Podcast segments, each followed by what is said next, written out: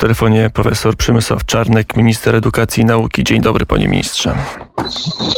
Dzień dobry. W naturze tak, ale w szkole coś panu poglądało, panie redaktorze? No, dzieci całe miesiące były na nauce zdalnej, teraz zwracają do szkoły i pewnie są zdziwione tym stanem, przynajmniej te młodsze roczniki, bo e, starsze roczniki podstawówki dopiero przed nami, ich pójście do szkoły, a szkoły wyższe, ponadpodstawowe to e, dopiero kwestia 31 maja, więc jest dla tych uczniów coś nowego. No, to może nie tyle poplątanie, co utrudnienie rzeczywiście. No, jak zwał, tak zwał. Ale cieszymy się, że ta sytuacja się normuje i e, roczniki klas 1-3 są w szkole.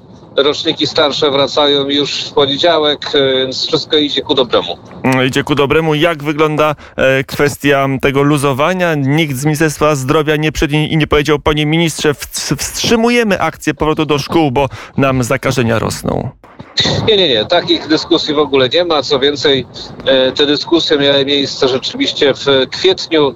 One były niemal codzienne. E, mieliśmy różne argumenty, wiadomo, swoje, oświatowe. Ministerstwo Zdrowia ma swoje problemy, swój, swój obszar działania, a zatem ochrona zdrowia i to wszystko trzeba było jednak gdzieś spotkać w jednym miejscu i do tego doszło. Ustaliliśmy plan powrotu uzależniony od sytuacji pandemicznej i go y, y, realizujemy konsekwentnie, także żadnych zmian nie przewidujemy. E, będzie powoli powrót do e, szkół, na uniwersytety. Kiedy studenci wrócą? Tutaj pan minister ma co nieco mniejszą władzę, ale też nie jest pan bezradny całkowicie. E, może władza jedno, a druga, druga rzecz to sytuacja i rzeczywistość. Pamiętajmy, że na uczelniach wyższych uczą się studenci, którzy dojeżdżają na te uczelnie z, z odległych zakątków kraju, nieraz po kilkaset kilometrów, wiedząc, że semestr letni jest również semestrem zdalnym. Często porezygnowali ze stacji, z, z akademików i teraz podejmowali prace również dodatkowe u siebie w miejscach zatrudnienia, więc ściąganie ich na na byłoby rzeczywiście nierozsądne. Natomiast apelujemy do y, uczelnia, żeby przynajmniej sesja letnia odbyła się w trybie stacjonarnym. Mm, żeby musieli przyjechać i stanąć twarzą w twarz z wykładowcą, którego być może nigdy nie widzieli, bo są studentami pierwszego roku i widzieli go tylko w kamerce internetowej. Od tyle, a taka kamerka nie oddaje całości. Trochę obraz zakrzywia i nic nie jest takie mm, samo. 1 października studenci wrócą na uczelnię, czy to jeszcze nie jest takie pewne? No tu musiałbym być rzeczywiście Y, wybitnym prorokiem, bo myślę, że żaden epidemiolog y, ani wirusolog nie podejmie się również y, przewidywania co do 1 października. Jest wielka nadzieja, że tak będzie, a ta nadzieja wiąże się również z postępującą akcją szczepień w Polsce, z tą, z tą odpornością, brzydko nazywaną stadną, ale tak ona się nazywa. I to wszystko powoduje, że jest optymizm, jeśli chodzi o październik. Natomiast no, ja nie podejmuję się przewidywania w 100%.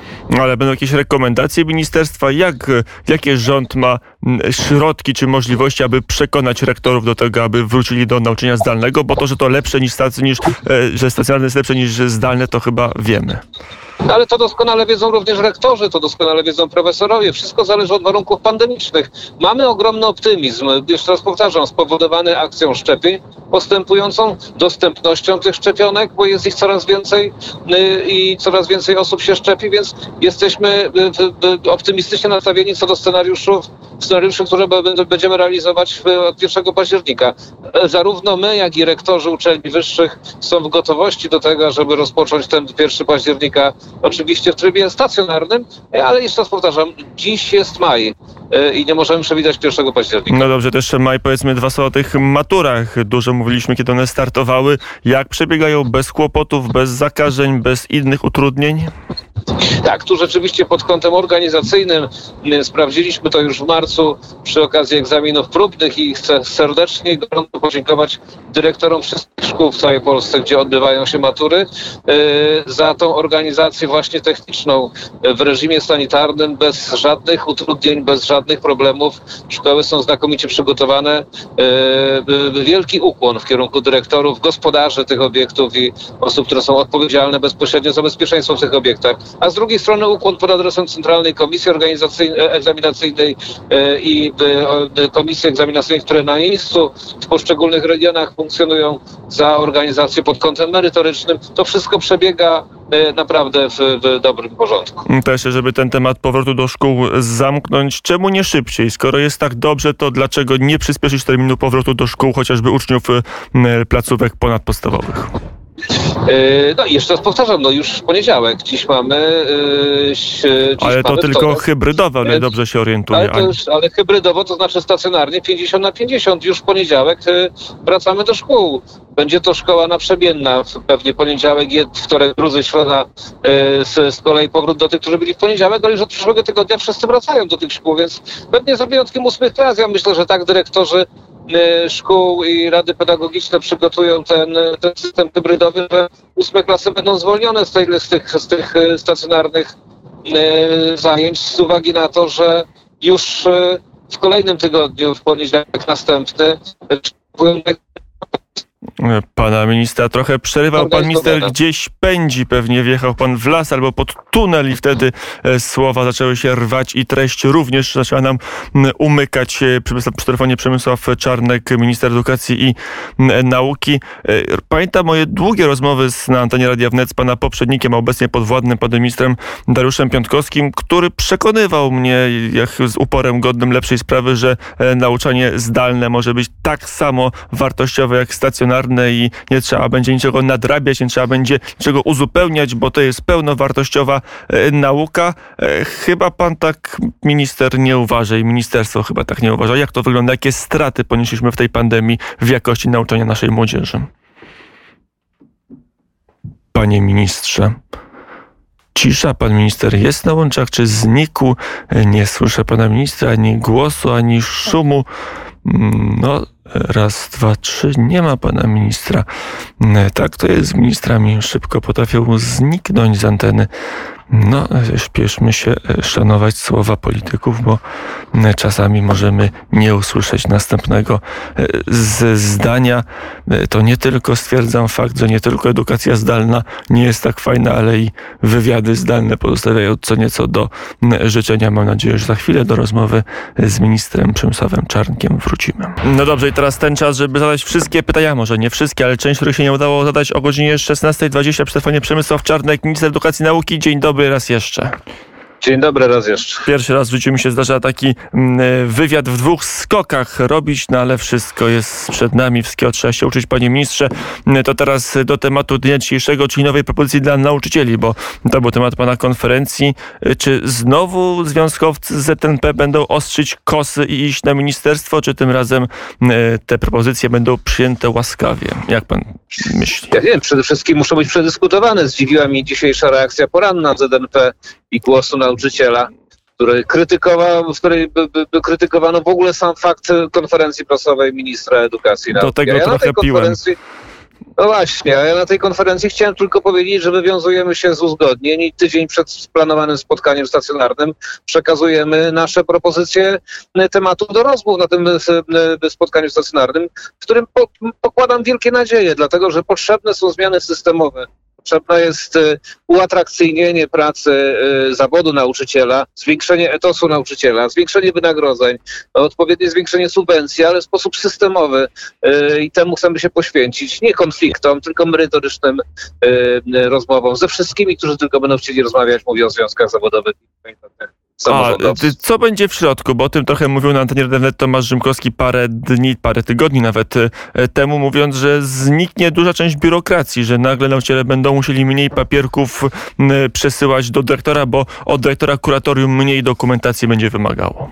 A to na 100%, to nawet bez względu na, na to, co uzgodnimy 18 maja, to ja tę zapowiedź akurat wykonam bez, bez dwóch zdań. Otóż od nowego roku szkolnego będzie dużo mniej biurokracji w zawodzie nauczyciela i to już jest przygotowane. Myślę, że przeciwko temu nikt nie będzie protestował, ani no, związkowcy, Spokojnie. ani samorządowcy, bo niby, bo niby dlaczego mieliby protestować? Ja w ogóle się zastanawiam nad protestem przeciwko zwiększeniu atrakcyjności y, zawodu nauczyciela, czy, czy zwiększeniu etosu nauczyciela. Generalnie środek, panie redaktorze, chciałbym jednak zostawić do 18 maja, bo na tym polega. Chcemy partnerstwo i dialogu z naszymi partnerami społecznymi, ze związkami zawodowymi, samorządowcami rozmawiać 18 maja, a nie uprzedzać faktów. A te propozycje kierunkowe, one są jasne. Podniesienie wynagrodzenia dla nauczycieli, yy, yy, systemowe podejście do samego wynagrodzenia, zakotwiczenie tego wynagrodzenia w odpowiednim systemie, y, Ale w ramach karty nauczyciela, czy obok, czy obok karty, panie ministrze?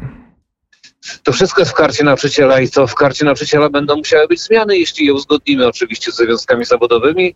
Yy, Czyli to pomysł taki, zapisy. żeby były jakby dwie ścieżki kariery, bo e, dwa rodzaje nauczycieli. Ten, który jest na karcie i zarabia może troszkę mniej i ten, który pracuje poza Panie kartą i zarabia nie, więcej. nie, nie, nie będziemy tak różnicować, to nie, tak, nie o takie podejście chodzi. E, Natomiast szczegóły za tydzień w rozmowach z naszymi partnerami społecznymi idziemy w kierunku zwiększenia wynagrodzenia nauczycieli, zwiększenia subwencji i systemowego uregulowania tych kwestii. A co w zamian dadzą nauczyciele?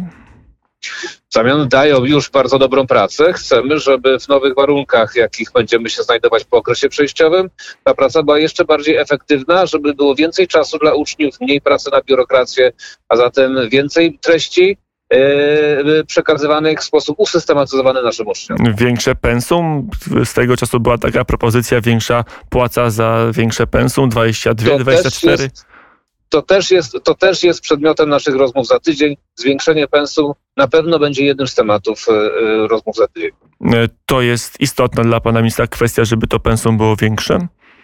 Nie, dla mnie najistotniejszą kwestią jest to, żeby nauczyciele nie musieli poświęcać się pracy biurokratycznej, które się muszą poświęcać z uwagi na dzisiejsze uwarunkowania prawne, a ten czas przeznaczyli dla uczniów i w ten sposób zarabiali również więcej. Myślę, że wszyscy będziemy z tego zadowoleni. No dobrze, to na koniec temat uniwersytecki. Michał Bilewicz, profesor Uniwersytetu Warszawskiego, napisał takiego tweeta 17 godzin temu, e, ale zupełnie serio to gratuluję.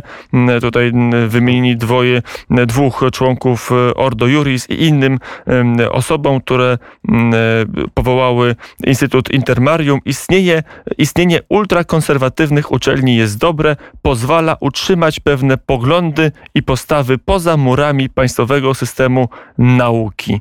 E, Napisał profesor mm, UW, który jest bardzo czuły na kwestie wykluczenia, ale e, chyba tylko mm, osób, które mają lewicowe poglądy albo należą do odpowiednich grup etnicznych czy narodowościowych, do innych już nie. E, Tak się składa, że do Sejmu trafił pana ministra projekt zapewnienia wolności mm, e, światopoglądowej na uniwersytecie. Komentarz do tego typu tweetów, że pewne poglądy powinny być poza murami, o poglądy konserwatywne.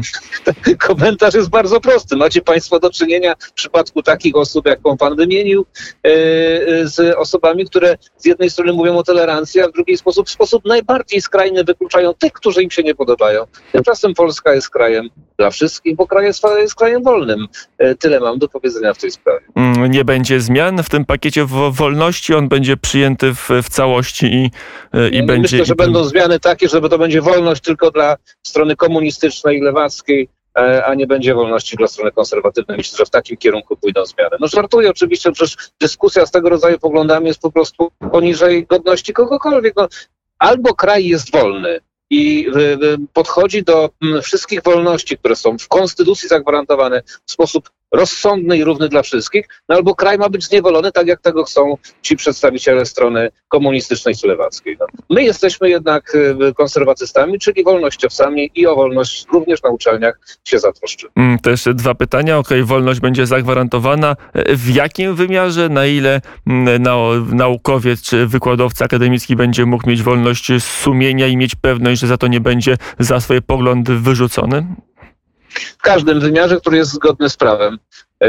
Kons- Gwarantuje wolność wyrażania przekonań filozoficznych i światopoglądowych także w życiu publicznym i za wyrażanie w życiu publicznym, także akademickim swo- swoich przekonań światopoglądowych i filozoficznych mieszczących się w granicach prawa, nikt nie będzie mógł być pociągnięty do odpowiedzialności. Co więcej, naukowcy będą mogli organizować na swoich uczelniach różnego rodzaju debaty, a rektorzy będą zobowiązani jako gospodarze, y, kierownicy tych placówek do tego, ażeby udostępniać im sale na równym, na równym, w równym stopniu. Mm, e, Pan minister jest przekonany, że e, konserwatyści są w Polsce prześladowani na uniwersytetach? Ja nie powiedziałem, że konserwatyści są prześladowani, natomiast patrząc na postępowania dyscyplinarne, które się toczą na rozmaitych uczelniach, albo chociażby postępowania wyjaśniające, one dotykają w 99% y, y, tych, którzy wyrażają swoje konserwatywne przekonania. Y, Cała reszta, i to jest największy problem, ci, którzy mają e, m, powiedzmy przekonania e, i konserwatywne, i lewicowe, ale są gdzieś w środku, boją się dziś wyrażać swoich przekonań z uwagi na właśnie- na tego rodzaju incydenty, które się odbywają. Chcemy z tym skończyć. Wolność dla wszystkich. Mm, To na koniec ostatnie pytanie, wiele jeszcze ich mam, ale to muszę zadać, bo ono padło w, na koniec naszej pierwszej części, już pod po odpowiedzi radiosłuchacze nie usłyszeli. Na pytanie było o jakość nauczania zdalnego, że ono jednak pana ministra zdaniem wydaje się, że jest słabsze niż stacjonarnego. Jak duża jest ta wyrwa i jak długo będziemy ją w szkołach i na uniwersytetach odrabiać, panie ministrze? Będziemy ją odrabiać tyle czasu, ile będzie to potrzeba, jaka będzie potrzeba zdiagnozowana przez samych dyrektorów i nauczycieli w poszczególnych szkołach. To, że nauka zdalna nie daje tyle efektu, co nauka stacjonarna, jest oczywiste dla wszystkich, i dla nauczycieli, i dla rodziców, i dla uczniów. Pana poprzednik, minister Piątkowski, przekonywał mnie nie Radia Wnet, że tak nie jest. Robił to rok temu na wiosnę, dość namiętnie i długotrwale. E, Być może zmienił już e, poglądy. E, Wakacje będą krótsze, czy będą takie same? Będą takie same, nic nie zmieniamy. Powiedział Przemysław Czarnek, minister edukacji i nauki. Dziękuję bardzo za rozmowę. Kłaniam się Państwu wszystkim. Do usłyszenia.